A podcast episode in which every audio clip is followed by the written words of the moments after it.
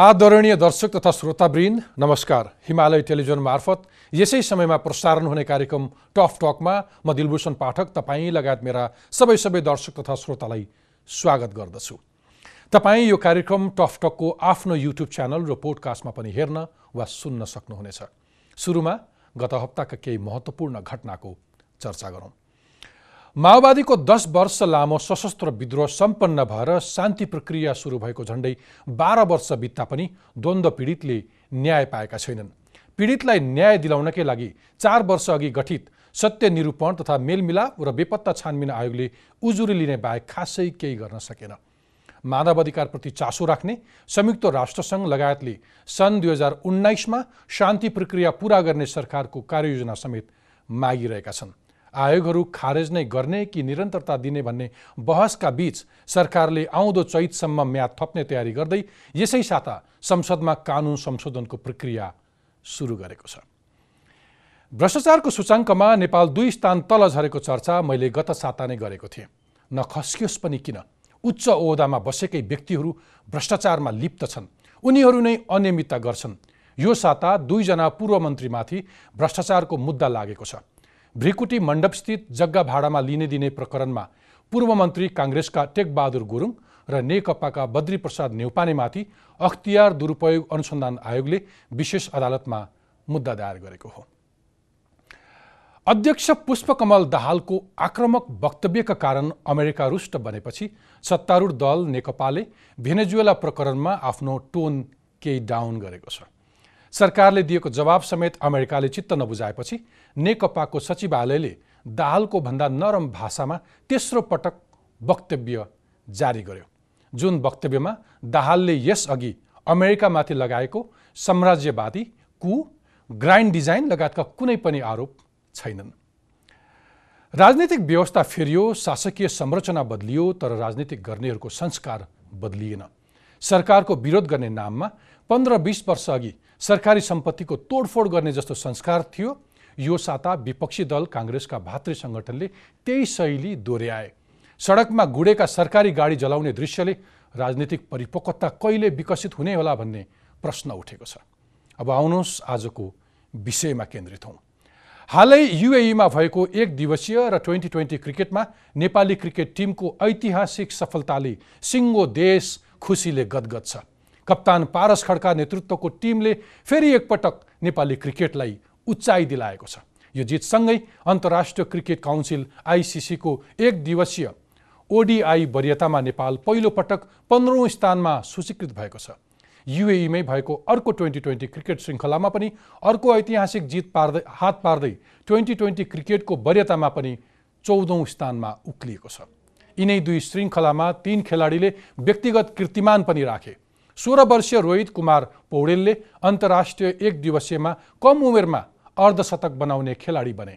पहिलो पटक खेलेका सन्दीप जोराले ट्वेन्टी ट्वेन्टी अन्तर्राष्ट्रिय खेलमा अर्धशतक बनाउने कान्छा खेलाडीको इतिहास रचे। त्यति मात्र होइन कप्तान पारस खड्काले पनि एक दिवसीय अन्तर्राष्ट्रिय खेलमा पहिलो शतक प्रहार गर्ने पहिलो नेपाली खेलाडीको कीर्तिमान रचे। एउटा राम्रो क्रिकेट मैदान समेत नभएको मुलुकका खेलाडीले अन्तर्राष्ट्रिय प्रतियोगितामा पाएको यो सफलताको जति प्रशंसा गरे पनि कम हुन्छ।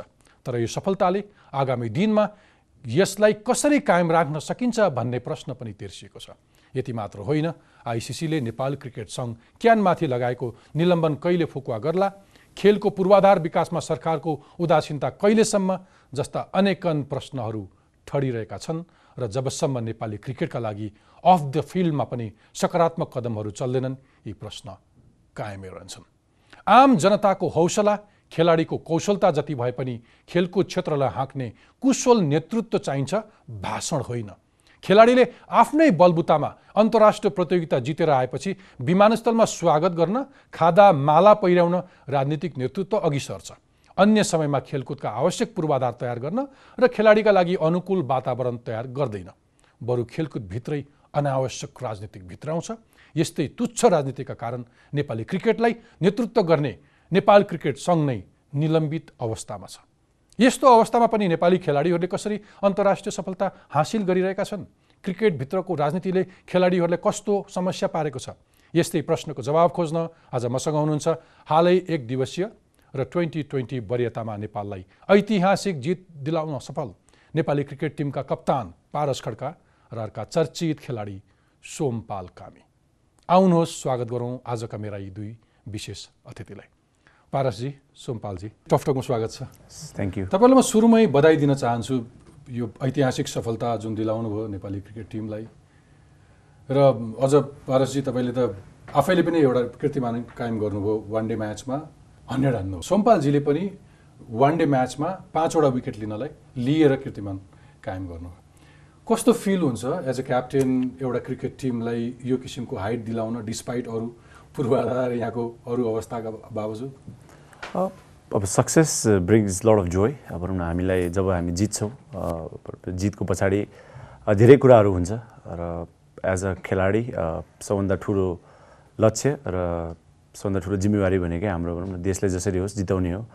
र यो पालि चाहिँ भनौँ न टु विक्स दुई हप्ताभरि राम्रो क्रिकेट खेल्न सफल भयो। र as a team as a captain एकदमै खुसी लागेको छ।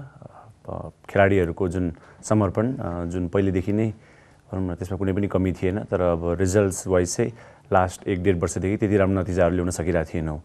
र आफ्नो तर्फबाट हामीले कोसिस गरि नै रहेको थियौँ। तर योपालि चाहिँ भनौँ न दुइटै series one day international plus T twenty series जित्दाखेरि चाहिँ एज अ प्लेयर एकदमै खुसी लागेको छ। विशेष गरी ककसको कस्तो भूमिका छ यो सफलता पछाडि? अब सफलता पछाडि त अब अभियसली धेरैजना मान्छेहरू इन्भल्भ हुनुहुन्छ स्पेसली अब the players and the coaches भनौँ न यसपालि मलाई लाग्छ एकदमै ठुलो डिफ्रेन्स भनेको हाम्रो ब्याटिङ कन्सल्टेन्ट हुनुहुन्थ्यो उमेश पटवाल भन्ने। उहाँले पनि ल्याउनु भयो उहाँ लगभग लास्ट इयर हामी जब ओडिआई स्टेटस पाएको थियौँ जिम्बावेमा पनि एज अ ब्याटिङ कन्सल्टेन्ट आउनु भएको थियो। र त्यसपछि भनौँ न Pokhara premier league Everest premier लिगमा पनि विभिन्न रोलमा आएर उहाँले नेपाली क्रिकेट खेलाडीहरूलाई राम्रो तरिकाले हेर्ने एउटा भनौँ न मौका पाउनु भयो र त्यसपछि योपालि चाहिँ भनौँ न उहाँले एक्टिभली प्लेयरहरूसँग इन्टरेक्सन गरेर के कस्तो खालको भनौँ न स्ट्राटेजिजहरू हामी अप्नाउन सक्छौँ कसरी अगाडि बढ्छौँ भनेर अगाडि बढ्यौँ र कोचेसहरू हाम्रो प्लेयर्सहरूको भनौँ न एउटा निरन्तर एउटा सिङ्गल ह्यान्डेड एफर्टले गर्दा हामी यहाँसम्म भनौँ न आइपुगेका छौँ। सोमपालजी तपाईँलाई मलाई सोध्न मन लाग्यो। तपाईँ आफैले पनि एउटा रेकर्ड ब्रेक गर्नुभयो। सन्दीप जोराजीले एउटा रेकर्ड ब्रेक गर्नुभयो। रोहित कुमार पौडेलजीले अर्को रेकर्ड ब्रेक गर्नुभयो। तपाईँको क्याप्टनले अर्को एउटा रेकर्ड ब्रेक गरिरहनु भएको छ। एक किसिमको एनर्जी आउँछ नि टिमभित्र। त्यो त्यो कसरी लिइरहनु भएको छ? कहाँबाट आउँछ यो स्ट्रेन्थ क्रिकेट हो होइन अब पर्फर्मेन्स गरेर अभियसली खुसी लाग्छ होइन। अब त्यस्तै अब एभ्री डे बसेर जत्र हजुरले केहीको लागि प्लान गर्नुहुन्छ होइन अब त्यो सक्सेस हुँदाखेरि चाहिँ एकदमै खुसी लाग्छ। अब टिमलाई जिताउनको लागि पनि अब रेकर्ड बनाउनै पऱ्यो होइन किनकि अब ओडे खेलिरहेको छौँ नि फाइभ विकेट्सले पनि अभियसली रेकर्ड बन्छ होइन। तर यसलाई कन्टिन्यू कसरी गर्ने होइन त्यसमा चाहिँ एकदमै लाइक इम्पोर्टेन्ट छ होइन? त्यसको लागि पनि अब एभ्री डे बसेर सोचिरहेको हुन्छौँ लाइक डायरी नोट गरिरहेको हुन्छ नयाँ नयाँ आइडियाहरू होइन? अब सिनियर दाईहरू हुनुहुन्छ प्लस कोचेसहरू हुनुहुन्छ होइन? उहाँसँग चाहिँ बसेर चाहिँ प्लानिङ गर्दा चाहिँ अब रिजल्ट आउँछ। जस्तो हजुर होमवर्क गरेपछि चाहिँ रिजल्ट आउँछ नि त्यसले गर्दा चाहिँ एकदमै खुसी लाग्छ। रिजल्ट आउँदाखेरि र टिमलाई जिताउँदाखेरि चाहिँ एकदमै खुसी लाग्छ। मलाई सोध्न मन लागेको नि पारसजी जस्तो कुनै एउटा मोटिभेटिङ फ्याक्टर हुन्छ नि यसो हेऱ्यो भने राजनीति छोडिदिनुहोस्। यस्तो राजनीति छ कि खेलकुदमा त्यो बडो गिद्धे दृष्टि छ। राज्यले दिनुपर्ने केही पनि देखिँदैन क्रिकेटमा यसो हेऱ्यो भने बेसिक कति देशहरू हेऱ्यो भने त्यो मैदान नभएका देशहरू पनि छन् तर हामी कहाँ तल मधेस हेऱ्यो यति धेरै मैदानहरू अथवा फिल्डहरू प्रशस्त छ जहाँ तपाईँ क्रिकेटको इन्फ्रास्ट्रक्चर डेभलप गर्न सक्नुहुन्छ। म म कोही तपाईँको एक्सपर्ट्सहरूसँग सल्लाह गरिरहेको थिएँ। बेसिक पानी मात्रै राखेर त्यो पिच मात्रै मेन्टेन गर्न सक्ने मैदानहरू यति धेरै छन् तर त्यति जाबो पनि गर्न सकिएको छैन। अरू एन्करेज गर्ने कुनै फ्याक्टर नहुँदा नहुँदै पनि त्यो त्यस्तो कुनै जादु चाहिँ के छ? केले बढी ड्राइभ गर्छ? त्यो तपाईँहरू खेलाडी साह्रै धेरै ज्याद्रो एउटा कुनै प्यासन अथवा तपाईँको एउटा ड्रिम के के कुराहरू? अथवा राम्रो ट्रेनर पाउनुहुन्छ? अथवा तपाईँहरूको टिमको कम्पोजिसन नै यस्तो एनर्जेटिक छ अथवा यस्तो भाइब्रेन्ट छ? के छ? अब सबभन्दा महत्त्वपूर्ण कुरा त के हो भने अब हामी क्रिकेट किन खेल्छौँ भन्दा हामीलाई क्रिकेट मनपर्छ। र सानोदेखि नै भनौँ न त्यो एउटा सोच थियो कि भनौँ न कि राम्रो क्रिकेट खेल्न सक्यो भने देशलाई कहीँसम्म पुऱ्याउन सकिन्छ कि भनेर। अब धेरै जस्तो खेलाडीहरू under fifteen under seventeen under nineteen गर्दै भनौँ न अहिले राष्ट्रिय टिमसम्म आइपुगेका छन्। अब अहिले राष्ट्रिय टिमकै कुरा गर्ने हो भने हामी दुई तिनजना बाहेक त सबै it's a very very young team एकदमै भनौँ न यङ केटाहरू छन्। र अब हाम्रो लागि अब मोटिभेटिङ र सबभन्दा भनौँ न भित्रबाट नै अब हामीलाई क्रिकेटको लागि के गरौँ भन्ने एउटा सोच छ। र अब वी आर भेरी लक्की भनौँ न त्यहाँको अब आफ्नो फिल्डमा एउटा आफूलाई मनपर्ने चिज आफ्नो प्यासनलाई फलो गर्न पाइरहेको छौँ। र अब कसैले के भन्छ कसैले के गर्छ भनेर भन्दा नि हामी आफू के गर्न सक्छौँ भनेर सोचेर नै हामी यहाँसम्म आइपुगेका छौँ। मलाई तपाईँलाई एउटा बधाई दिन मन लागेको अर्को एउटा पक्ष चाहिँ युजली कुनै सङ्गठनहरू अथवा तपाईँ कुनै एउटा फर्मेसन गर्दै जाँदाखेरि अरू साइडहरू हेऱ्यो भने बडो व्यथिति देखिन्छ। नातागोता नातावाद कृपावाद अथवा अरू पोलिटिकल प्रेसर मैले भनेको जस्तो यो पटक तपाईँले रोहित कुमारजीलाई छनौट गर्नुभयो। पहिलो डेब्युमा उनले कीर्तिमान कायम गरे। वन्डरफुल पर्फर्मेन्स होइन? सोमपालजी आउनु भएको छ। तपाईँको टिम कम्पोजिसनमा खेलाडीहरू कसरी छनौट गर्नुहुन्छ? कसले छनौट गर्छ र यति अब्बल खेलाडीहरूको जुन संयोजन छ नि तपाईँको टिममा यसमा अरू कुनै फ्याक्टरहरूको असर चाहिँ पर्न पाएको छैन? पोलिटिकल अलिकति नातावाद कृपावाद अथवा क्यानमा त्यो किसिमको राजनीति देखिसकेको थियो। विगतको भनौँ न लगभग तिन वर्ष हुन लाग्यो क्रिकेट सङ्घ भनौँ न निलम्बित भएको र त्यसपछि चाहिँ अब डाइरेक्टली अब हेड कोच हाम्रो जगत टमाटाजी हुनुहुन्छ म छु र हाम्रो भाइस क्याप्टेन ग्यानरबाट र बिचमा भनौँ न आइसिसीको प्रतिनिधिलाई पनि राखेर अब सेलेक्सन प्यानल जस्तो हामीले फर्म गरेका छौँ। र त्योभन्दा अगाडि पनि अब म क्याप्टेन भएको टु थाउजन्ड नाइनमा हो। अब क्रिकेट एसोसिएसन हुँदाखेरि पनि भनौँ न सेलेक्सन प्यानलहरू थियो। त्यति धेरै भनौँ न अरू खेलमा अब कस्तो हुन्छ मलाई एक्ज्याक्टली थाहा छ सुन्नमा त सुनिन्छ भनौँ न कसैको फेभरमा कसैको सपोर्टमा खेलाडीहरूलाई छानिएको छ। तर क्रिकेटमा चाहिँ मलाई लाग्छ अहिलेसम्म हामी स्वच्छ नै छौँ यो कुरामा चाहिँ। किन भन्दाखेरि अब हामी सबैले एउटा इमान्दार प्रयास गरिरहेछौँ। नेपाली टिम चाहिँ बलियो हुनु पऱ्यो भनेर। र एज अ क्याप्टेन अब लगभग तिन वर्षदेखि डिरेक्टली सेलेक्सनमा पनि भनौँ न इन्भल्भ भएको भएर चाहिँ अभियसली अब चौधजना या पन्ध्रजनाको स्क्वाड जुन सेलेक्ट हुन्छ जुनै पनि टिम छान्नुहोस् भनौँ न कुनै पनि खेलाडी छान्दाखेरि जहिले पनि तिन चारजना चाहिँ यो पनि हुनु भइदियो हुन्थ्यो त्यो पनि भइदियो हुन्थ्यो। यसलाई यसको आधारमा छानियो यसलाई उसले मन पराएर छानियो होला या कसैको भनौँ न क्लोज भएर छानियो भन्ने त्यो आरोप हामीलाई पनि लागेको छ। तर सबभन्दा इम्पोर्टेन्ट कुरा चाहिँ के हो भने नतिजा राम्रो हुँदा सबै कुरा राम्रो देखिन्छ। अब योपालि हामीले भनौँ न अब नतिजा राम्रो ल्यायो फर्स्ट सिरिज जित्न सफल भयो सबै कुरा एकदम राम्रो थियो। यही यस्तै सिरिज हामीले सेप्टेम्बर अगस्तमा एसिया कप क्वालिफायर्स खेलाएको थियो त्यसमा हाम्रो एकदमै नराम्रो प्रदर्शन भएको थियो। त्यति बेला अब हार्नसार के हुन्छ भने ल अब क्याप्टेन्सी छोड्नु पऱ्यो भनौँ न टिममा यो ल्याउनु पऱ्यो त्यो अभियस एउटा जेनरल फ्यानहरूको एउटा क्रिकेट एक्सपर्टहरूको त्यो पर्सपेक्टिभ छ।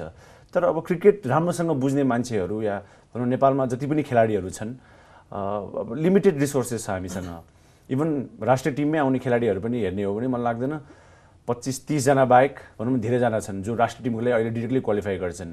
यही कुरा पाँच वर्ष अगाडि मेबी सत्र अठार थियो भने अहिले बढेर दस दस बाह्रजनाको समूहमा भनौँ न वृद्धि भएको छ जसले गर्दा तिस बत्तिसजना पैँतिसजनाबाट हामी राष्ट्रिय टिमको अहिले सेलेक्सन गर्छौँ। र अब हामी सब खेलाडीहरू त नेपाल क्रिकेटको सबभन्दा बलियो पक्ष भनेको चाहिँ अहिलेसम्म खेलाडीहरूको जुन स्पिरिट छ अब अहिलेको मात्रै खेलाडीहरू होइन जति पनि खेलाडीहरू अहिलेसम्म खेलिरहेको छन् हामीमा एउटा त्यो एकजुटता त्यो एकता छ भनौँ न कसैले अर्को एउटा साइड पनि छ त्यसमा जोडिएर आउने त्यो क्रिकेट क्रिटिक्सहरू अथवा क्रिकेट फ्यानहरू छन् नि। हरेक वर्ष अथवा हरेक अहिले- बढेको छ। एयरपोर्टमा नारा लगाउन पुगेका थिए होइन यो पटक। हजुर। हजुर अहिले चाहिँ बढेको किन छ भन्दाखेरि हजुरको अब चासो एकदम बढेको छ क्रिकेट अन्तर्राष्ट्रिय स्तरमा। अब ओडिआई स्टेटस पाइसकेपछि स्पेसली जब हामी टु थाउजन्ड फोर्टिनमा वर्ल्ड कप वर्ल्ड कप खेल्यौँ वर्ल्ड कप खेलिसकेपछि क्रिकेटलाई हेर्ने एउटा दृष्टिकोणै चेन्ज भएको छ सबैजनाको। र अहिले भनौँ न हामी मैदानमा जान्छौँ अब क्रिकेट खेलेर अब हरेक नेपाली भनौँ एउटा खुसी हुने एउटा गर्व हुने एउटा एउटा माहौल छ। अब दुबईमा पनि भनौँ न यति धेरै नेपालीहरू हुनुहुन्छ। अब होम ग्राउन्डमै खेले जस्तो फिल भएको थियो। र उहाँहरूलाई पनि भनौँ न हामी पहिलेदेखि नै दुबईमा जबदेखि गइरहेछौँ अब मेरो फर्स्ट इन्टरनेसनल टुर पनि दुबईमै थियो। Two thousand two December under fifteen प्रतियोगितादेखि लिएर अहिले टु थाउजन्ड उन्नाइससम्म लास्ट सिरिजसम्म आउँदाखेरि चाहिँ भनौँ न अब इन्डिया पाकिस्तान बङ्गलादेशको खेलाडीहरू श्रीलङ्काको खेलाडीहरूको चर्चा हुने भएको भएर अहिले चाहिँ त्यहाँ हाम्रो नेपालीहरूलाई गर्व गर्ने के एउटा विषय बिन पाएको हुनु पाउनु भएको छ भने चाहिँ उहाँहरूले चाहिँ हाम्रो पनि क्रिकेट टिम छ हामी पनि भनौँ न सक्षम छौँ भन्ने चाहिँ त्यो एउटा गर्व गर्ने चाहिँ भनौँ न उहाँहरूले एउटा मौका पाउनु भएको छ र हामी वे भेरी ह्याप्पी द्याट हामीले त्यो एउटा मौका र त्यो एउटा प्लेटफर्म क्रिएट गरेको छौँ भनेर। तपाईँले अर्को पनि त्यस्तै गर्व गर्ने मौका दिन खोजिरहनु भएको छ जस्तो तपाईँले एक दिवसीय खेलमा जित हासिल गर्ने बित्तिकै के भन्नुभयो भने नेपालमा पनि यो वानडे म्याच गर्न पाए हुन्थ्यो भन्ने चाहना राख्नुभयो। आइसिसीको टिमले किर्तिपुरको खेल मैदान हेरेर एउटा सिफारिस गइसकेको छ गर्न सकिन्छ कि भनेर।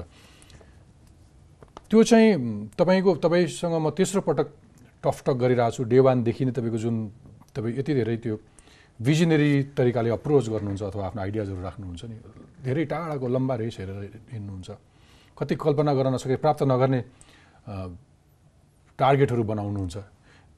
यसमा अलिक बढी जोस अथवा अलिक बढी उत्साह मात्रै हो कि हामीसँग क्षमता पनि छ। यसो हेर्दाखेरि हामीसँग क्यान छैन सरकारको पारा त्यही छ आफ्नै ताल छ। जम्मा एउटा क्रिकेट एउटा एउटा एउटा क्याप्टेन अथवा एउटा तपाईँहरू एकदमै धेरै खेलकुद प्रेमी बाहेक अरू त देखिँदैन होइन अरूको चाहना? अब यो अहिलेको लागि चाहिँ म अब छेडिकै हो भन्छु। किन भन्दाखेरि अब अब सर्टेन ग्रुप अफ प्लेयर्सहरू छौँ हामी भनौँ न अहिले। अब जसो तसो गरेर क्रिकेट यहाँसम्म आइपुगेको छ। लास्ट इयर डिभिजन टू खेल्दाखेरि अब तिनवटा म्याच थियो जुन भनौँ न फिफ्टी ओभर्समा लास्ट हन्ड्रेड ओभरको लास्ट बलमा गएको थियो जुन नतिजा तलमाथि भइदिए सायद नेपाल ओडिया सिरिज पनि पाउँथेन होला। हामी डिभिजन फोर थ्री टू मुनि अझ मुनि खस्किन पनि सक्थ्यौँ। तर मलाई लाग्छ जुन इमान्दार तरिकाले हामी अगाडि बढिरहेछौँ त्यो इमान्दारितापूर्वक भनौँ न हामीले फल पनि त्यही अनुसारले पाएको छौँ। तर अब संस्थागत रूपमा अगाडि बढ्ने हो भने चाहिँ यो तरिकाले चाहिँ अगाडि बढ्ने एकदमै गाह्रो छ। किन भन्दाखेरि पारस खड्काले सधैँ क्रिकेट खेल्दैन। सोमपाल कामी सधैँ क्रिकेट भनौँ न सँग आबद्ध हुँदैन नेपाल क्रिकेट भनेको यो देशसँग जोडिएको चिज हो। नेपाल भन्ने राष्ट्र चाहे हामी रहौँ या नरहौँ त्यो सधैँ रहिरहनेछ। नेपाल क्रिकेट भन्ने जहिले सधैँ भन्न भइ नै राख्छ। अब विगतको समयमा के थियो विगतको समयमा गल्तीहरू के कस्तो भयो भन्दाखेरि हामी घन्टौँ कुरा गरे पनि आखिर त्यही कुरा हो। भनौँ न हामी खेल्न जान्छौँ जितेर आउँछौँ वावाई हुन्छ।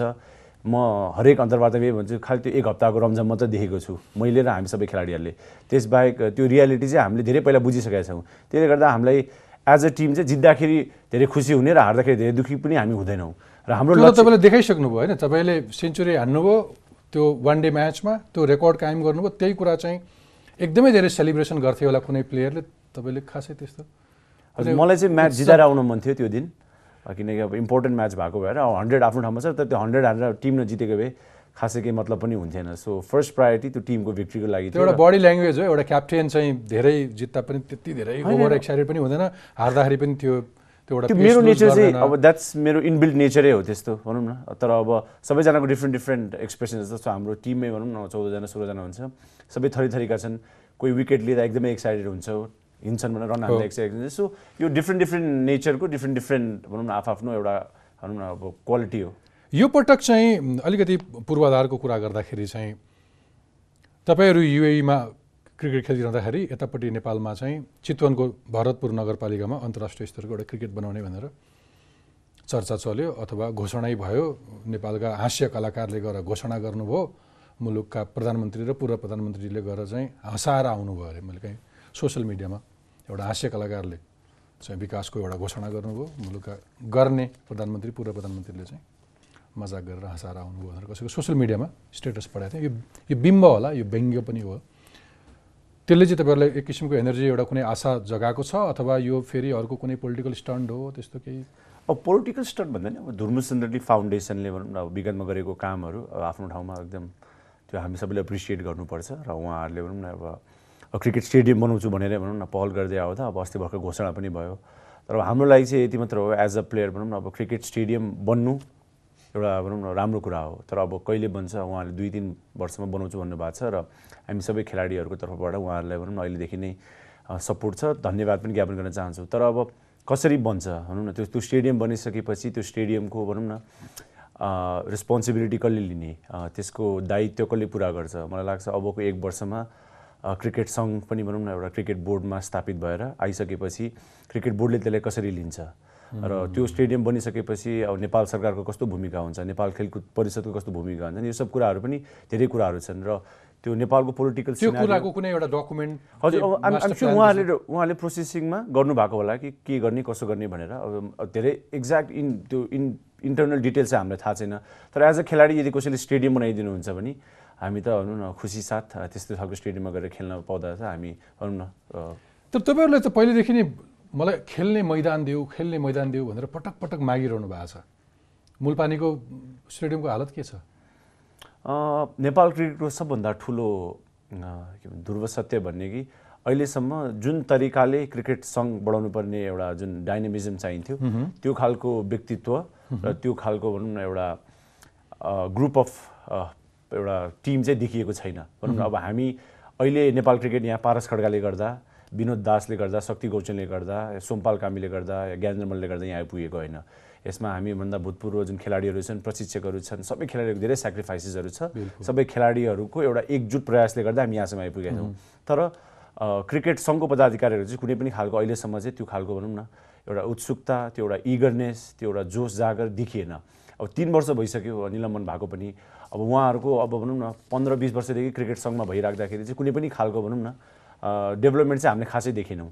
र अब गर्छु भन्ने सोच भन्दा पनि अब यदि क्रिकेट बोर्डमा जो पनि व्यक्तिहरू आउनुहुन्छ डाइनामिजम अलि क्रिकेट खेललाई जसरी हामी खेलाडीहरूले माया गरेका छौँ त्यही खालको माया लिएर त्यही खालको भनौँ न एउटा भिजन लिएर आउनुभयो भने चाहिँ सायद क्रिकेटको व्यवस्थापनको जुन यो भनौँ भौतिक पूर्वाधारहरू सायद बन्ला। तर अब यो कहिलेसम्म बन्दैन जबसम्म हाम्रो ब्याचको खेलाडीहरू रिटायर भएर हामी म्यानेजमेन्टमा आउँदैनौँ तबसम्म चाहिँ अब भनौँ न मलाई लाग्दैन कि अब पनि बनेन भने चाहिँ हामी क्रिकेट सङ्घ या भनौँ न क्रिकेट व्यवस्थामा आइसकेपछि मात्र बन्छ। न त्योभन्दा अगाडि चाहिँ बन्दैन। अब बनाउन सकेन भने चाहिँ। पछिल्लो पटक चाहिँ जस्तो निलम्बनकै कुरा गरौँ आइसिसीले नेपालको क्यानलाई निलम्बन गर्नुको एउटा मात्रै कारण के थियो त्यो राजनीति चरम राजनीति। हजुर। होइन चरम राजनीति मात्र होइन हजुर। यो एउटा गलत तरिकाले भनौँ न अब राजनीतिलाई भनौँ न छिराइदिएको थियो क्रिकेटमा। अभियसली हाम्रो देशको जुनै कुनै पनि पक्षमा राजनीति कुनै न कुनै तरिकाले इन्भल्भ भइ नै हाल्छ तर त्यसमा क्रिकेट सङ्घकै भनौँ न पदाधिकारीकै धेरै गल्तीहरू छन् जसमा भनौँ न फाइनेन्सियल अकाउन्टेबिलिटी नगर्ने हामीले रिपोर्ट्सहरू प्रदान गर्न नसक्ने भनौँ न क्रिकेट सङ्घमा अब भनौँ न सत्रजनाको मनोनयन भएको कमिटी पुगेर बत्तिसजनाको कमिटी भयो त्यसपछि एक आपसमै झगडा अब भनौँ न युरोप टुरमा को जाने एसिया टुरमा को जाने भनौँ न खेलाडी सब लोभी पापीहरू आए।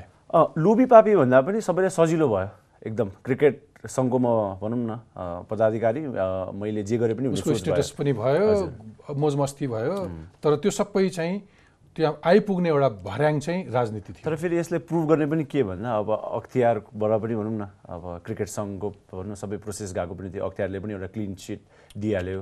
त्यसपछि भनौँ न अब हामी खेलाडीहरूलाई चाहिँ के पनि दोष लगाइयो भने हामी खेलाडीहरू नै गएर भनौँ न मुद्दा दायर गरिएको भनेर जुन कदापि गलत हो मैले विभिन्न अन्तर्वार्तामा फेरि पनि भनेको छु।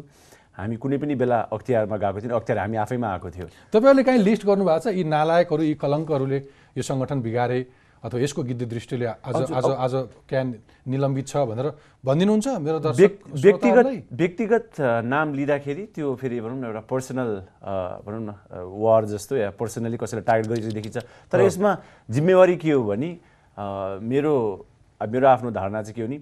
भोलि गएर नेपाल राष्ट्रिय क्रिकेट टिम हार्छ भने यदि म क्याप्टेन हो भने आई टेक द रेस्पोन्सिबिलिटी बिल्कुल। सो तपाईँ क्रिकेट सङ्घको कुनै पनि पोजिसनमा हुनुहुन्छ भने के तपाईँले त्यो जिम्मेवारी लिनु भएको छ? That is my only question र जवाबदायी चाहिँ उहाँहरू हुनुहुन्न। अनि जुन कारणले उनीहरूको राजनीतिक अन्तर्द्वन्द्वका कारणले जसरी क्यान निलम्बित भयो त्यसको फुकुवा गर्नका लागि कसैले पहल गरे अथवा कसैको चासो छ? जस्तो तपाईँहरू विजयी हुने बित्तिकै अथवा यो ऐतिहासिक सफलता हुने बित्तिकै खादा लाउन माला लाउन आतुर हुन्छन्। प्रधानमन्त्रीज्यूले ट्विट गर्नुहुन्छ पुष्पकमल दाल प्रचण्डज्यूले तपाईँलाई भेट्न बोलाउनु भयो। अरू धेरैलाई भेट्न मन लागेको होला त्यतिखेर नाक फुलाउने यसो धेरै ठुलो समर्थन हौसला दिए जस्तो गर्नुहुन्छ।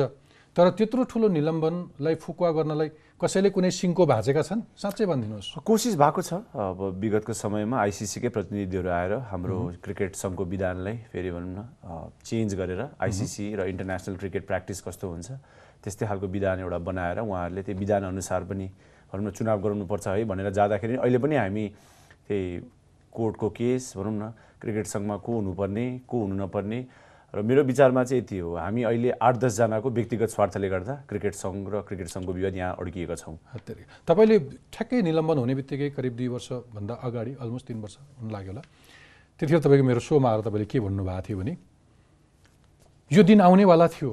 यति धेरै राजनीति थियो कि हामीले सङ्केत दिइरहेको थियौँ। त कति ठाउँमा तपाईँहरूले विसेल ब्लो गर्नुभयो। खेलाडीहरूले नखेल्ने भनेर विसेल ब्लो गर्नुभयो होइन? क्यानको विरुद्धमा उभिनुभयो त्यसको सङ्केत तपाईँले के इङ्गित गर्दै हुनुहुन्थ्यो भने आइसिसीले कुनै पनि बेला निलम्बन गर्न सक्छ अथवा यहाँको व्यथितिप्रति कोही जवाबदेही भइहाल्ला भनेर भन्नुभएको थियो। तपाईँले मेरो सोमा अब अब चरम भइसक्यो यो क्लाइमेक्स यो हुनुपर्ने थियो तर यसलाई हामीले लेसनको रूपमा लियौँ र अगाडि बढौँ होइन भने नेपाली क्रिकेटमा अर्को अर्को समस्या आइपर्न सक्छ भनेर हिन्ट गर्नुभएको थियो।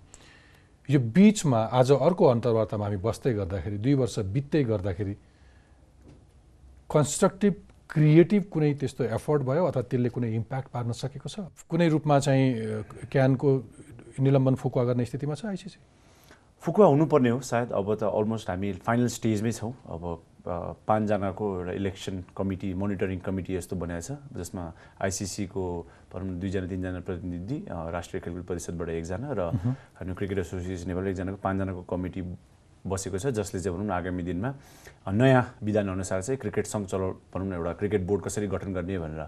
तर अब योभन्दा पनि ठुलो भनौँ न एउटा हाम्रो लागि अहिलेको लागि सबभन्दा महत्त्वपूर्ण कुरा चाहिँ के हो भने क्रिकेट सङ्घ बन्ला क्रिकेट बोर्ड आउला क्रिकेट बोर्डमा चुनाव भएर पनि आउला। त्यो बोर्ड भएर आइसकेपछि पनि भनौँ न काम गर्ला नि त।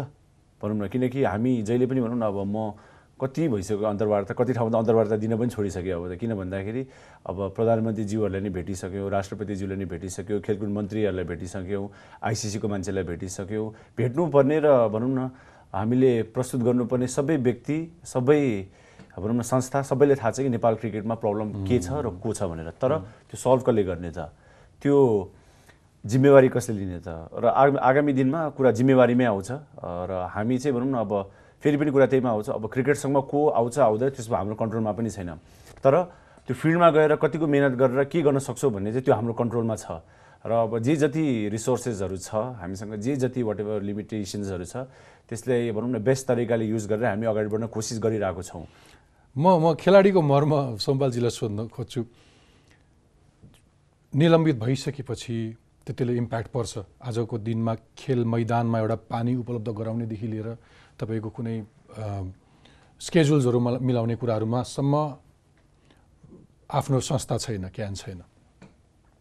सोमपालजी भन्नुहोस् त कस्तो कस्तो समस्याहरू फिल हुन्छ? खेल मैदानमा गेम खेल्दै गर्दाखेरि सबभन्दा पहिला त अब ग्राउन्ड नि भनौँ न त्यो प्रपर छैन। होइन त्यसले गर्दा चाहिँ एकदमै लाइक रिजल्ट पनि अब हजुरले राम्रो माग्नुहुन्छ नि लाइक हुन्छ नि ग्राउन्ड पनि राम्रो चाहियो होइन विकेट राम्रो चाहियो किनकि अब बाहिर गएर कन्डिसनमा खेल्दाखेरि टोटली विकेट चेन्ज हुन्छ होइन। अब लास्ट टाइम हामी यो लाइक ओडिआईको लाइक प्र्याक्टिस गर्दाखेरि चाहिँ विकेट एकदम स्लो थियो तर युआईबाट युआईमा खेल्दाखेरि चाहिँ विकेट एकदम फास्ट थियो। अनि स्टार्टिङमा चाहिँ एडजस्ट गर्न गाह्रो पनि हुन्छ। फर्स्ट गेम छ लाइक फर्स्ट गेम हारेपछि पनि लाइक मैले फिल गरेँ कि लाइक यो विकेट जति राम्रो छ मेबी मलाई यो विकेट मेरो लागि चाहिँ एकदमै बेस्ट छ। मैले एज ए बोलर मलाई चाहिँ एकदम बेस्ट थियो। तर ब्याट्सम्यानलाई चाहिँ एकदमै गाह्रो थियो कि। अब त्यो सिचुएसनलाई ह्यान्डल गर्नको लागि चाहिँ हामीले प्र्याक्टिस पनि त्यस्तै गर्नु पऱ्यो कि होइन?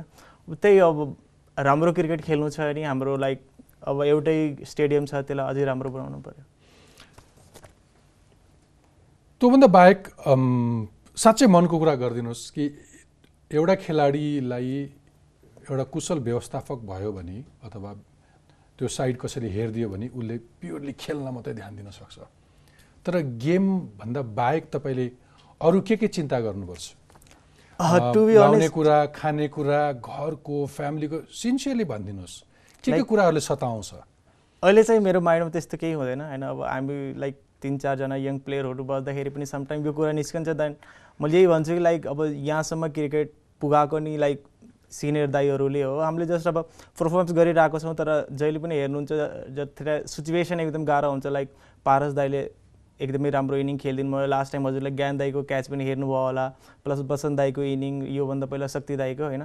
मलाई लाग्छ जहाँसम्म अहिले हामी पुगेको छौँ सिनियर दाईहरूले गर्दा नि पुगेको छौँ। त्यसले गर्दा चाहिँ मैले जति पनि मेरो जुनियरहरू जति पनि छ लाइक हामी एज ए बोलर ग्रुप बस्दाखेरि चाहिँ समटाइम कुरा निस्किन्छ तर मैले यही भन्छु कि अहिले हामीले त्यो कुरा नसोचौँ। अहिले जे गरिरहेको छौँ त्यसमा फोकस गरौँ। किनकि दाईहरूले जति लाइक अब ट्वेन्टी फाइभ डलरदेखि खेलिरहेको छौँ हामी त फेरि अहिले पचास डलर पाइरहेको छौँ नि त। अब यस्तै राम्रो गरेर भने फ्युचरमा अझै राम्रो हुन्छ। होइन त्यसले गर्दा मैले लाइक फ्युचरको बढी सोच्दैन। अहिले जे चलिरहेको छ त्यसमा चाहिँ फोकस गर्छु पारसजी सम्भवतः यही यही पोजिटिभ भाइब्सले नै होला खेलाडीमा धेरै चिन्ता छैन। तर इमान्दार भएर भनिदिनुहोस् कि सबैलाई खानु लाउनु त पर्छ नि। सबैको आफ्नो समस्या त हुन्छ नि। खेलाडीहरूले तलब समयमा पाउँछन् अथवा तिनले सुविधा राम्रोसँग प्राप्त गरेका छन्? हाम्रो दुई वर्ष हुन लाग्यो। भनौँ न अब स्यालेरी नपाएको। अब त्यो स्यालेरी पनि टु थाउजन्ड फोर्टिन फिफ्टिनमा एज अ भनौँ न वर्ल्ड कप खेलिसकेपछि सर्टेन अमाउन्ट आएको भए त्यो पैसालाई चाहिँ कोचसँग मिलेर हामीले स्यालेरीको सिस्टम बनाउनुपर्छ भनेर क्यानमा प्रपोज गरेपछि क्यानले त्यसरी भनौँ न स्यालेरी दिने एउटा सिस्टम स्टार्ट गरेको थियो। त्योभन्दा अगाडि चाहिँ क्रिकेट टिममा पर्ने हरेक खेलाडीलाई भनौँ न दस दस हजार भनौँ न त्यसरी एउटा स्यालेरीको चाहिँ एउटा स्टार्ट चाहिँ भएको थियो। र त्यसपछि अब अहिले दुई वर्ष हुन लाग्यो। त्यो स्यालेरी रोकिएको। त्यो स्यालेरीको पनि एबिसी क्याटेगोरी गरेर भनौँ न। क्याटेगोरी एमा पैँतिस हजार क्याटेगोरी बिमा पच्चिस हजार र क्याटेगोरी सीमा पन्ध्र हजार गरेर। सो त्यो तिनवटा क्याटेगोरीबाट चाहिँ भनौँ न आइसिसीबाट आउने फन्डबाट चाहिँ त्यो स्यालेरीको भनेर एउटा प्रस्तावित त्यति बेला गरिएको कुरा चाहिँ अब आशा गरौँ टु थाउजन्ड सेभेन्टिन एटिन सक्यो। टु थाउजन्ड नाइन्टिनमा आइसक्दाखेरि चाहिँ अब अब पाउँछौँ होला कि भनेर। आजसम्म गएको दुई वर्षदेखि तपाईँहरूले न्यूनतम तलब पनि पाउनु भएको छैन अथवा जे खेलाडीले पाउने तलब सुविधा त्यो पाउनु भएको छैन। अनि यो सफलता लिएर आउँदाखेरि यो ऐतिहासिक जित गरेर आउँदाखेरि चाहिँ तपाईँलाई भेट्न बोलाउने पूर्व प्रधानमन्त्री अथवा मन्त्रीहरूले के भन्छन्? अलिकति लज्जाबोध हुन्न तिनको अनुहारमा त्यस्तो केही? अब सबभन्दा पहिला त अब कस्तो भयो भने अब अब देशको भनौँ न सबभन्दा ठुलो भनौँ न जति पनि व्यक्तिहरू हुनुहुन्छ प्रधानमन्त्रीज्यूहरू हुनुहुन्छ उहाँहरूले बोलाइसकेपछि हामी जानै पऱ्यो अब हामी भनौँ न एउटा रेस्पेक्टको रूपमा उहाँहरूले हामीलाई बोलाइदिनुहुन्छ सम्मान गरिदिनुहुन्छ र जित्दाखेरि भनौँ न नगद पुरस्कारको घोषणाहरू पनि हुन्छ। अब एकचोटि जित्यो पाँच लाख आउँछ होइन। क्षणिक भयो। हजुर त्यो पाँच लाखको भनौँ न दस पन्ध्र वर्षको मेहनत छ त्यो पाँच लाख। तर जित्ने पनि भनौँ न अब लास्ट आठ वर्षमा मेबी हामीले पाँचवटा छवटा प्रतियोगिता जित्या होला अब त्यो फाइनेन्सियली हिसाब गर्ने हो भने खासै धेरै हुँदैन। तर मैले अघि भने जस्तै अब सबै कुरा फाइनेन्सियली मात्र जोड्न सक जोडेर मात्र पनि हुँदैन। अब खेलाडीहरूको लागि चाहिँ भनौँ न अब भविष्य सुनिश्चित गर्नु छ र अहिले हामी क्रिकेट भनौँ न खेलप्रति यति माया छ सबैजनाको। सबैजना खुसी हुनुहुन्छ नेपालले जित्यो नेपालले यो गर्यो भनेर। तर यस्तो माहौल फेरि पनि आगामी दिन ल्याउने हो भने चाहिँ अब चाहिँ हामी व्यवस्थित ढङ्गमा चाहिँ अगाडि बढ्नै पर्छ। सम्बलजी कसरी म्यानेज गर्नुहुन्छ त? दुई वर्षदेखि तलब पाउनु भएको छैन। घर कसरी चल्छ? घरका मान्छेले क्रिकेट खेल्न गएको भन्दाखेरि छुट कसरी दिन्छन्? गाह्रो छ टु बी अनेस्ट एकदमै लाइक लाइफस्टाइल गाह्रो पनि छ। अब मम ड्याड हुनुहुन्छ मेरो अहिले पनि होइन? उहाँले चाहिँ एकदमै हेल्प गर्नुहुन्छ। प्लस जब पनि छ त्यसले गर्दा चाहिँ हुन्छ प्लस कन्ट्र्याक्ट पनि छ होइन? तर एउटा नर्मल लाइफको लागि चाहिँ ओके छ। अब हामी तिन भाइ बस्छौँ एउटा रुममा त्यसले गर्दा चाहिँ तिन भाइ नै काम गर्छ होइन? कहीँ न कहीँ जब गरिरहेको छ। त्यसले गर्दा चाहिँ लाइफस्टाइल चाहिँ अरू साथीहरूलाई? समस्या छ? ओभियसली प्रब्लम भइहाल्छ जस्तो दाइले भन्नु दुई वर्षदेखि तल भएको छैन। अब धेरै जस्तो प्लेयरको त जब पनि छैन कन्ट्र्याक्ट पनि छैन। अब टिममा परे नि विनिङ प्राइज पाउने होइन। अब तिनी टिममै पर्दैन त विनिङ प्राइज पनि पाउँदैन होइन। त्यो त्यसले गर्दा नि हो अब क्रिकेट अघि नबढेको किनकि हजुरले एउटा ब्याट किन्न जानु भने तिस हजार भन्छ होइन। अब एउटा नर्मल फ्यामिलीले तिस हजारको ब्याट किनेर दिनै सक्दैन होइन। त्यसले गर्दा नि यो क्रिकेट अहिले यहाँसम्म नपुगेको। इमान्दार भएर भनिदिनुहोस्। एउटा खेलाडीलाई चाहिने आवश्यक एउटा क्वालिटीको एउटा राम्रो डायट त छोडिदिनुहोस् तर कति खेलाडीलाई बेसिक्स खाना पनि समस्या छ? समस्या भन्दा पनि अब मेन त कुरा कस्तो हो नि हजुरको अब हुन त जति पौष्टिक आधार जति भनौँ न परिपक्व खाए पनि गरे पनि भनौँ न अब मान्छे जति भए पनि पुग्दैन। होइन त्यो आफ्नो ठाउँमा छँदैछ तर अब अब स्पोर्ट्स हाम्रो कन्ट्रीमा खासै प्रायोरिटीमा छैन। हजुरको रियालिटी के हो भने हामी क्रिकेट मन पराउँछौँ फुटबल मन पराउँछौँ वावाई हुन्छ। फेसबुकमा भनौँ न लाइक्सदेखि लिएर ट्विटदेखि लिएर इन्स्टाग्राममा फोटोहरू एकदम एक्टिभ हुन्छौँ हामी। यो बनाउनु पर्छ त्यो बनाउनु पर्छ यो हुनुपर्छ बधाई छ भनेर। तर रियालिटी के हो भने हामी खेलाडीहरूले चाहिँ धेरै पहिला के बुझिसकेका छौँ भने हामीले हाम्रो लाइफ आफै चलाउनु पर्छ र त्यो लाइफ राम्रो बनाउनको लागि क्रिकेटको भनौँ न माथिल्लो स्तरमा पुगेर हामी केही गऱ्यौँ भने मात्रै यहाँ पुग्न सक्छौँ भन्ने हाम्रो सोच नै हामी यहाँसम्म आइपुग्यो हो। डिभिजन फाइभ खेल्दा के भनिन्थ्यो भने डिभिजन थ्रीमा पुग्यो भने एकदम भविष्य सुनिश्चित छ भनेर। डिभिजन थ्रीमा पुग्यो थ्रीबाट पुग्यो टू र वानमा पुग्यो भने त लाइफ सेट छ भनेर कसैले भन्नुहुन्छ वर्ल्ड कप पुग्यो भने अब जिन्दगीभर केही पनि गर्नु पर्दैन। वर्ल्ड कप पनि पुग्यो। अनि ओडिआई स्टेटस पायो भने चाहिँ तपाईँहरू चाहिँ अब सात पुस्ताले नै पुग्ने खालको भनौँ न वातावरण हुन्छ भन्नेसम्म पनि हामीले भनौँ न त्यसो पनि भनियो। हजुर अब ओडिआईको स्टेटस त्यहाँ अर्को रेकर्ड ब्रेक गरेर आएछ यो किन भनियो भन्दाखेरि अरू देशको भनौँ न अब ओडिआई स्टेटस पाएकै जस्तो युए छ नेदरल्यान्ड्स छ ऊ त कस्तो हुन्छ नि अब अहिले आइसिसीको भनौँ न त्यो फन्डिङ अनुसार probably one point three million dollars one point four million dollars जति आउँछ। त्यो one point three one point five million डलर्समा चाहिँ two hundred three hundred thousand डलर्सहरू भनेको चाहिँ हजुरको खेलाडीहरूको लागि मात्र भनेर राखिएको हुन्छ जुन खेलाडीहरूलाई भनौँ न मन्थली कन्ट्र्याक्टमा राख्ने उनीहरूलाई भनौँ न म्याच फिस दिने भनौँ न अब हामी ओडिआई म्याचेस खेलेर आउँछ। अहिले हामीसँगै खेलेको युए टिमहरूको पर ओडिआई म्याच खेलेकोमा सर्टेन अमाउन्ट पाइरहेको थियो। जितको छुट्टै बोनस हुन्छ man of the match match छुट्टै बोनस पाउँछ। तर हामीलाई के छ अब त्यही आइसिसीले जुन डेली अलावेन्स दिन्छ त्यो डेली अलावेन्स लिने खेल्ने अनि जित्यो भने त्यही अब त्यही सोसियल मिडियामा वावाई लिने अब न्युज पत्रिकामा राम्रो फोटोहरू आउँछन्। अब परिवारमा अभियसली खुसी हुनु सबैजना खुसी नै हुनुहुन्छ तर जसरी खेलाडीहरूको घर चलिरहेछ मलाई लाग्दैन त्यति सजिलो छ। तर फेरि पनि अब क्रिकेटलाई माया गर्छौँ अब आशा गरौँ। अब आशै भनौँ न आशै आशमा हामी उडिया स्टेटससम्म पुगिसकेका छौँ। अबको आगामी दिनमा यदि एउटा व्यवस्थित सङ्घ संस्था म्यानेजमेन्ट आउने हो भने चाहिँ क्रिकेट खेलको भविष्य उज्जवल छ म फेरि पनि भन्छु। यो एउटा शब्द चाहिँ म सधैँ भनिरहेको छु किन भन्दाखेरि जुन खालको माहौल अहिले बढेको छ भनौँ न क्रिकेटलाई माया गर्ने अहिले जस्तो भनौँ न अलिकति यो प्रिमियर लिग्सहरू जुन भएको छन् भनौँ न त्यो प्रिमियर लिग्सले पनि अलिकति प्रोफेसनली खेलाडीहरूलाई अलिअलि पैसा आउन थालेको छ।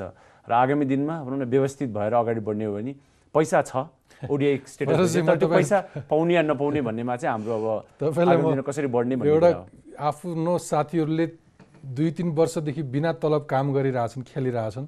तपाईँ पनि यति पोजिटिभ हुनुहुन्छ तपाईँसँग म यो गएको पाँच सात वर्षमा तिनचोटि तेस्रो पटक अन्तर्वार्ता गरिरहेको छु। पहिलो अन्तर्वार्ता गर्दाखेरि तपाईँले जे कुरा भनिरहनु भएको थियो आज तेस्रो अन्तर्वार्ता त्यही कुरा भनिरहनु भएको छ। केही चेन्ज आएको छैन। तपाईँहरूले गर्ने प्राप्त गर्ने सफलता बाहेक नीतिगत कुनै ठोस कुनै कदम अथवा पूर्वाधारमा कुनै एउटा उल्लेखीय कुनै देखिने दृश्य केही पनि छैन। त तपाईँ आशावादी हुनुहुन्छ सम्बन्ध त्यही आशैले चलाएको नेपाली क्रिकेट। तपाईँहरूको खेलाडी इन्स्योर्ड छ अथवा सबैको बिमा छ इन्सुरेन्स गरिएको छ? छैन। इन्सुरेन्स गरिएको छैन? छैन। जबकि एउटा खेलाडी कुनै पनि बेला दुर्घटनामा पर्न सक्छ। इन्जुरीले कुनै पनि खेलाडीको सिङ्गो करियर अथवा सिङ्गो जीवन गएका अनेक घटनाहरू छन्। ट्राभल इन्सुरेन्स त तपाईँ कुनै एउटा घटना जहाजमा चढेर जानुभयो भने त्यो दुर्घटनाका लागि इन्सुरेन्स गरेका छन्। नभए नेपाली क्रिकेट खेलाडी जो ट्वेन्टी ट्वेन्टीमा र एड ओडिआईमा क्वालिफाइड छ त्यो कुनै पनि खेलाडी इन्सुरेन्स छैन। यो राज्यका लागि योभन्दा लज्जाबोध अरू के हुनसक्छ मैले बढी बोलेँ। होइन हजुर अब स्यालेरी नै छैन भने इन्सुरेन्सको त कसरी सोच्ने भनौँ न। पहिला अब अब घरमा भनौँ न हजुरको दाल छ चामल छ भने न भनौँ न मासु खाने हो। अब अब घरमा अब सागपात मात्र खाने वातावरण छ भने त मासु खान्छु भनेर त आश गर्नु पनि भएन। सो त्यसले गर्दाखेरि हाम्रो लागि चाहिँ अब एज अ प्लेयर मैले अघि भने जस्तै अब खेलाडीहरूको सबैको एउटै ब्याकग्राउन्ड छैन। कसैको ठिकठाक होला कसैको एकदम नराम्रो होला। तर हाम्रो भनौँ न एउटा कमन लक्ष्य भनेको हामी क्रिकेट मन पराउँछौँ हामी भाग्यमानी छौँ तपाईँ राष्ट्र प्रमुखहरूलाई भेट्दाखेरि भन्नुहुन्न यो सबैले थाहा छ। यो मुलुकमा एउटा कुनै कृषकले आफ्नो गोरुलाई इन्सुरेन्स गर्छ आजको दिन। एउटा गाईको बिमा हुन्छ। तपाईँ त्यो त्यो अन्तर्राष्ट्रिय खेल खेल्ने एउटा खेलाडीको बिमा भएको छैन। सायद अहिलेको जो जो जुनसुकै क्षणमा पनि ऊ दुर्घटनामा पर्न सक्छ ऊ इन्जोर्ड हुनसक्छ। इन्जुरी त तपाईँ लेखेर आउनुहुन्छ होइन एउटा खेलाडी। अब यस्तो छ अब यसमा चाहिँ मेबी सायद क्रिकेट बोर्ड अब आउँछ भने चाहिँ विगतको दुई तिन वर्षमा अलिकति चेन्ज पनि के भएको छ भने धेरैजना मान्छेहरू कर्पोरेट्सहरू पनि इन्भल्भ हुनु भएको छ नेपाल क्रिकेटप्रति। र त्यो कर्पोरेट्सहरूले चाहिँ एउटा आश के जगाउनु भएको छ भने सायद उहाँहरूले चाहिँ यदि क्रिकेट बोर्डसँग राम्रो सम्झौता गरेर भनौँ न इन्सुरेन्सदेखि लिएर होस् या स्यालेरी होस् या इन्सेन्टिभ्स होस् त्यो सबमा या व्यवस्थापनमै किन नहोस् एउटा छुट्टै खालको बोनसहरू एड गरेर सायद क्रिकेटको भविष्य अझै सुनिश्चित गर्न सकिन्छ कि भन्ने आश छ हामीमा। तर अहिलेको लागि सबभन्दा ठुलो प्राथमिकता भनेकै क्रिकेट बोर्ड चाँडोभन्दा चाँडो गठन हुनु पऱ्यो र त्यो गठन भइसकेपछि कस्तो खालको व्यक्तिहरू आउँछन् र व्यक्ति जो आए पनि अब कामले भनौँ न उहाँहरूको भनौँ न एउटा वर्गीकरण र उहाँहरूको कामले नै हामीले भनौँ न एउटा रेस्पोन्सिबिलिटी कतिको लिनुहुन्छ। त्यो रेस्पोन्सिबिलिटी उहाँहरूले लिन सक्नुहुन्छ कि हुँदैन त्यो बुझ्नु पऱ्यो र अकाउन्टेबिलिटी हुनु पऱ्यो उहाँहरूले यदि औ पनि काम गर्नु भएन भने चाहिँ मलाई लाग्छ हामी नै भनौँ न माइतीघर मण्डलामा ओर्लेर अनि फेरि पनि अब अनसन बस्नुपर्ने बेला अब आउन लागिसकेको छ। होइन यो प्रयत्न पनि त्यही हो। तपाईँ अक्सर म तपाईँ यसरी टक्समा बोलाउँदाखेरि बोलेर के हुन्छ कुरा गरेर के के हुन्छ भन्ने खालको आशय पाउँछु तपाईँलाई म आमन्त्रण गर्दा। तर जहिले पनि आइदिनुहुन्छ धन्यवाद। तर आशा तपाईँसँग जुन आशा छ जुन प्रयत्न गरिरहनु भएको छ त्यसले एक दिन काम गर्छ होला। म सोमपालजीकोमा आउन चाहन्छु। तपाईँ त इन्डियाबाट आउनुभयो। तपाईँ आउँदै गर्दाखेरि तपाईँले ठुलो सङ्घर्ष गर्नुभयो। आर्थिक अभाव डेरा खोज्ने बस्ने कुराहरू। तर अर्को विरोधाभास तपाईँ जुन इन्डियाबाट आउनुभयो त्यहाँ एउटा क्रिकेट खेलाडीलाई त्यहाँको समाजले हेर्ने त्यहाँको राष्ट्रले दिने सम्मान अथवा हौसला अथवा उसले पाउने सेवा सुविधा हेर्दाखेरि यहाँ त नगण्य छ नि। उता चाहिँ कस्तो छ भनिदिनुहोस् त तपाईँले के देख्नुहुन्थ्यो? म खेल्दाखेरि चाहिँ एकदमै राम्रो थियो होइन? स्टेट खेल्दाखेरि पनि लाइक इन्कम पनि एकदमै राम्रो थियो प्लस स्पोन्सरहरू होइन? स्पोन्सरहरू एकाडेमी एकदमै फ्री होइन? अब हजुरले लाइक धेरै जस्तो कर्पोरेटहरूले पनि एकदमै तपाईँ राम्रो खेल्दा बित्तिकै उनीहरूले साइन गर्थ्यो होइन सिग्ने लाइक साइन गरेपछि अब कन्ट्र्याक्ट म्याच फिस होइन। अब इन्डियाको कुरा गर्दाखेरि चाहिँ अब नगरौँ किनकि अहिले हामी नेपालमा छौँ। अब नेपालको कुरा गरौँ अब नेपालमा अब क्रिकेट बढिरहेको छ होइन? नेपालले अहिले राम्रो गरिरहेको छ। त्यसमा फोकस गरौँ अब जो छुटिसक्यो उसलाई छोडिदिउँ। पारसजी सानो सानो कुराहरू पनि सम्बोधन गर्नुपर्ने छ होइन? खेलाडीको बेसिक्सदेखि लिएर अनि ठुलो इन्फ्रास्ट्रक्चरदेखि लिएर अनि असन्तुलन जस्तो लाग्दैन। एउटा सफलता तपाईँहरूको यहाँ पुगिसक्नुभयो होइन? त्यो वान डे म्याचमा तपाईँले एउटा कीर्तिमान कायम गर्दै गर्दाखेरि यो मेरो देशमा पनि होस् भनेर चाहना राख्नुभयो। त्यो तपाईँहरू खेलाडीको लेभल चाहिँ पर्फर्मेन्सको हिसाबले यहाँ माथि पुग्यो। तर अरू साइडहरू हेऱ्यो भने सबै खोक्रो छ। हजुर। त्यो त्यो त्यो सन्तुलन तत्काल हुनसक्छ निलम्बन फुकुवा हुने बित्तिकै अथवा पोलिटिकल कमिटमेन्ट नै चाहिन्छ होला at the end of the day good leadership त त्यहाँबाट सुरु हुन्छ अथवा के के कुराहरूले म्याटर गर्छ? इन्टरनेसनल एक्सपिरियन्सेसहरू के छ? क्रिकेटलाई अलिकति राम्रोसँग बुझ्नुपर्ने पनि जरुरी किन छ भन्दाखेरि भनौँ न गत वर्ष मार्चमा हामीले ओडिआई स्टेटस पायौँ। भनौँ न अब अब म अहिले भन्दाखेरि त्यो भनौँ न एउटा आर्थिक तरिकाले म यसलाई प्रस्तुत गरिरहेको छु। अब दुई हजार दसमा हामी जब वर्ल्ड दुई हजार तेह्रमा जब हामी वर्ल्ड कप क्वालिफाई गरेका थियौँ त्यति बेला भनौँ न हरेक खेलाडीलाई दस दस लाख दिएको थियो। भनौँ न वर्ल्ड कप खेलेर आएपछि पाँच लाख त्यति बेला लगभग हरेक खेलाडीले पैँतिस चालिस लाख जति भनौँ न हामीले कमाएको थियौँ। भनौँ न विभिन्न सङ्घ संस्था र सम्मान स्वरूप। अब लास्ट इयर हामी ओडिआई स्टेटस पायौँ। ओडिआई स्टेटस भनेको मलाई लाग्छ हामी विश्वकप खेल्नु भन्दा नि ठुलो उपलब्धि थियो। तर अहिलेको सिरिज नजिन्सम्म कसैले मतलब पनि थिएन यहाँ। भनौँ न कि ओडिआई स्टेटस के हो यो के छ कस्तो छ यहाँ। अँ जित्यो खुसी छ ठिक छ भयो आयो सक्यो। अब कतिले भन्नुहुन्छ मेबी क्रिकेट सङ्घ पनि नभएर होला कि। त्यो पनि हुनसक्छ होइन? तर क्रिकेट बुझ्ने व्यक्तिहरू त हुनुहुन्थ्यो नि। अब क्रिकेट सङ्घको व्यक्तिहरू नि कस्तो हुनुहुन्छ? हामी क्रिकेट सङ्घमा आएपछि मात्र पहल गर्छु। म क्रिकेट सङ्घको अध्यक्ष भयो भने मात्र म भनौँ न प्रपोजल लिएर जान्छु। यदि म क्रिकेटलाई माया गर्छु भने त म जुनै पनि बेला अगाडि जान सक्छु नि त कि खेलाडीलाई यो हुनु पऱ्यो खेलाडीलाई त्यो हुनु पऱ्यो भनेर। र त्यो सबमा चाहिँ भनौँ न अब सायद नेपाल क्रिकेटलाई राइट तरिकाले मलाई लाग्दैन कि यहाँ धेरै मान्छेले बुझ्नु भएको छ कि क्रिकेटको भविष्य के हो नेपाल क्रिकेट कहाँ छ कस्तो पोजिसनमा छ भनेर। तपाईँलाई मनमा चाहिँ के लाग्छ? जस्तो यहाँ त हामी कहाँ अरूलाई हेर्ने अनि अरूलाई दोष दिने अरूलाई हेर्ने अरूलाई दोष दिने। यहाँ त सबै गर्न सक्ने मान्छेहरू पनि अरूलाई हेर्छन्। कहिले कहिले यो कुर्सीमा बसेर एउटा मन्त्रीले अरूलाई दोष लगाइरहेको हुन्छ। ऊ आफै मन्त्रालय सम्हालिरहेको छ थाहा छैन कसले भगवान्ले आइदिनु पर्ने जस्तो। तपाईँले पोइन्टमा भन्नुभयो भने दुई चारजना मान्छे को कसको महत्त्वपूर्ण भूमिका छ आजकै दिन यदि कसैले प्रतिबद्धता जनाउनु पर्यो अथवा एक्सनमा जानु पर्यो भने को कसले के के गर्न सक्छन्? हजुर अहिलेको विषयमा चाहिँ मलाई लाग्छ प्रधानमन्त्रीज्यू आफैले एउटा आइसिसीको डेलिगेसनसँग भनौँ न डिरेक्ट कन्ट्याक्ट गरेर पहिला पनि भेट त भइसक्यो हो। तर अहिलेको भने चाहिँ प्रायोरिटी बेसिसमा एकदम यसलाई भनौँ न अब इम्पोर्टेन्ट एउटा प्रायोरिटी राखेर चाहिँ अब हाम्रो खेलकुद मन्त्रीज्यूसँग मिलेर हुन्छ या कन्ट्रीकै लागि भनौँ न एउटा देशले आज देशले यति नाम दिएको छ नेपाल क्रिकेटले चाहिँ आइसिसीको डेलिगेसनसँग चाहिँ यो विवादलाई चाँडोभन्दा चाँडो टुङ्ग्याउनु पऱ्यो र यसमा लाग्नु पऱ्यो मैले भने यहाँ कस्तो हुन्छ भने आदेश दिइन्छ यो गरियोस् भनेर यो होस् भनेर। तर त्यो आदेश कसले दिइन्छ त? भनौँ न त्यो आदेश र चिठी आएर त्यो कार्यान्वयन हुन्जेलसम्म त भनौँ न मलाई लाग्छ ओडिया स्टेटस पनि सकिसक्छ। अनि फलोअप कसैले नगर्ने? हजुर एकदमै। त्यसले गर्दा फलोअप पनि एउटा यो पार्ट। एउटा प्राइम मिनिस्टरले इमिडिएट यो निलम्बनको लागि एउटा इनिसिएट गर्नुपर्छ। अर्को? अब क्रिकेट सङ्घ सङ्घ सङ्घको जति पनि पदाधिकारीहरू हुनुहुन्छ ती इमान्दार हुनु पर्यो। उहाँहरूले अब आफ्नो अहमलाई छोड्नु पर्यो। आफ्नो अहम र व्यक्तिगत पोजिसनलाई छोड्नु पर्यो। अब धेरैजनाको के छ गुनासो भने कति ठाउँमा चुनाव भयो कति ठाउँमा चुनाव भएन अब चुनावी प्रक्रिया नयाँ विधानबाट उहाँहरू चुनाव नलड्ने भन्ने भनेर सोध्छ जे उहाँहरू। जस्तो इगो छोडिदेऊ इगो छोडिदिनु पर्यो ओके उहाँहरू चुनावमा निरन्तर रूपमा आउनु पर्यो चुनावमा लडेर आएर क्रिकेट बोर्डमा इलेक्टेड भएर उहाँहरू। भने क्रिकेट बोर्डलाई अगाडि बढाउनु र। आउँदाखेरि पनि त्यो गलत लोभ पापको नियतले आउनु भएन अब चाहिँ नेपाली जनता हजुर नेपाली जनताले नै उहाँहरूलाई प्रश्न गर्नुपर्छ डिरेक्टली कि यदि क्रिकेट सङ्घमा आएर बोर्डमा आएर यदि काम गर्नु भएन भने चाहिँ मलाई लाग्छ नेपाल सरकार नेपालको कानुन नेपालको भनौँ न जति पनि भनौँ न विशिष्ट व्यक्तिहरू हुनुहुन्छ या भनौँ न हाम्रो सम्माननीय जीवहरू जो पनि हुनुहुन्छ उहाँहरूले चाहिँ यदि साँच्चीकै हामीलाई सम्मान गर्नुहुन्छ भने चाहिँ यदि क्रिकेट खेलमा औ पनि फेरि यस्तो भनौँ न किचलो भयो भने चाहिँ सायद उहाँहरूलाई चाहिँ जिम्मेवार ठहराएर नै भनौँ न अगाडि ल्याउनु पर्छ त्यो अथोरिटी कसैले मिस युज नगरोस् र बेला बेलामा तपाईँले पनि विसल ब्लो गर्नुपर्छ पहिला हजुर हामी त हामी अब आफ्नो तर्फबाट मैले भने नि कल्प्रिटलाई कल्प्रिट भनेर देखाउन सक्नुपर्छ समयमा। एउटा पोइन्ट अफ टाइममा ओके अब हामी अन्त्यतिर पुगिसकेका छौँ। यो चाहिँ एउटा राज्यले गर्ने कुरा। त्योभन्दा बाहेक अघि अघि भने जस्तो एउटा सरकारले एउटा भिजनरी खेलकुद मन्त्री ल्याओस् ल्याउँदाखेरि सदस्य सचिवहरू ल्याउँदाखेरि अथवा त्यसका खेलकुदमा काम गर्ने पदाधिकारीहरू अलिक भिजनरी भएर आउन् न कि एउटा पोलिटिकल अफिलिएसन एउटा नालायक आएर एउटा कुर्सी ओगटेर नबसोस् होइन त यसमा चाहिँ महत्त्वपूर्ण कुरा के हो भने यदि म कुनै पोजिसनमा छु भने जस्तो म यदि भनौँ न खेलकुद मन्त्री हो भने या म सदस्य सचिव हो भने चाहिँ भने खालि काम गर्नुपर्ने हो सबै कुरामा आफै इन्भल्भ भएर. पनि गर्न. गर्नुपर्छ भन्ने छैन हो नि सबैतिर। इन्फर्मेसन छ Information छ, हजुर, hire गर्न सक्नुहुन्छ। सबैतिर लेसन लर्न बेस्ट प्र्याक्टिसेसहरू. छन् होइन त्यति गाह्रो काम छैन तर अब गर्न सक्ने कि नसक्ने या गर्न खोज्ने कि नखोज्ने भन्ने कुरा हो र नेपाली खेलकुदलाई नै हेर्ने हो भने मलाई लाग्दैन कि भनौँ न त्यो डाइनामिजम छ। अहिले क्रिकेटले राम्रो गरिरहेछ वा वाइ छ। भोलि क्रिकेट नराम्रो भयो अरू कुनै खेलले राम्रो फेरि त्यो खेललाई समात्ने। त्यो खेल र राम्रो गर्ने खेललाई समात्ने होइन कि अब त्यो खेललाई कसरी राम्रो भनौँ न एउटा इन्भाइरोमेन्ट दिएर त्यो खेलले नतिजा ल्याउँछ भन्ने त्यो सोच जबसम्म आउँदैन तबसम्म हजुर हामी जति कुरा गरे पनि यो निरन्तर रूपमा भइ नै राख्छ। तर आशा गरौँ आशा गरौँ अझै पनि उद्देश्य प्रयत्न त्यसैका लागि हो चेन्जका लागि हो।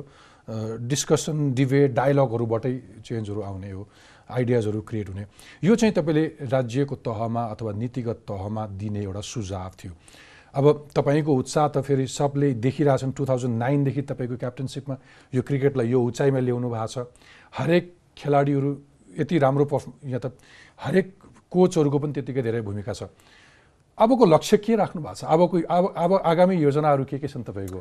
हामीलाई हामी त हजुर। हौसी नै त हो। अहिलेको लागि चाहिँ अब राष्ट्रिय टिमलाई चाहिँ एउटा राम्रो प्रशिक्षकको चाहिँ एकदम जरुरी छ भनौँ न किन भन्दाखेरि अब अब क्रिकेट जुन स्तरमा आएको छौँ हामीलाई चाहिँ भनौँ त्योभन्दा माथिल्लो स्तरमा लागेको चाहिँ विनिड एक्सपर्ट एउटा ओपिनियन। र भनौँ न अहिलेको समयमा जस्तो उमेश पटवाल सरहरू जस्तो व्यक्तिहरू आएर चाहिँ एउटा नयाँ माहौल क्रिएट भयो योपालि चाहिँ।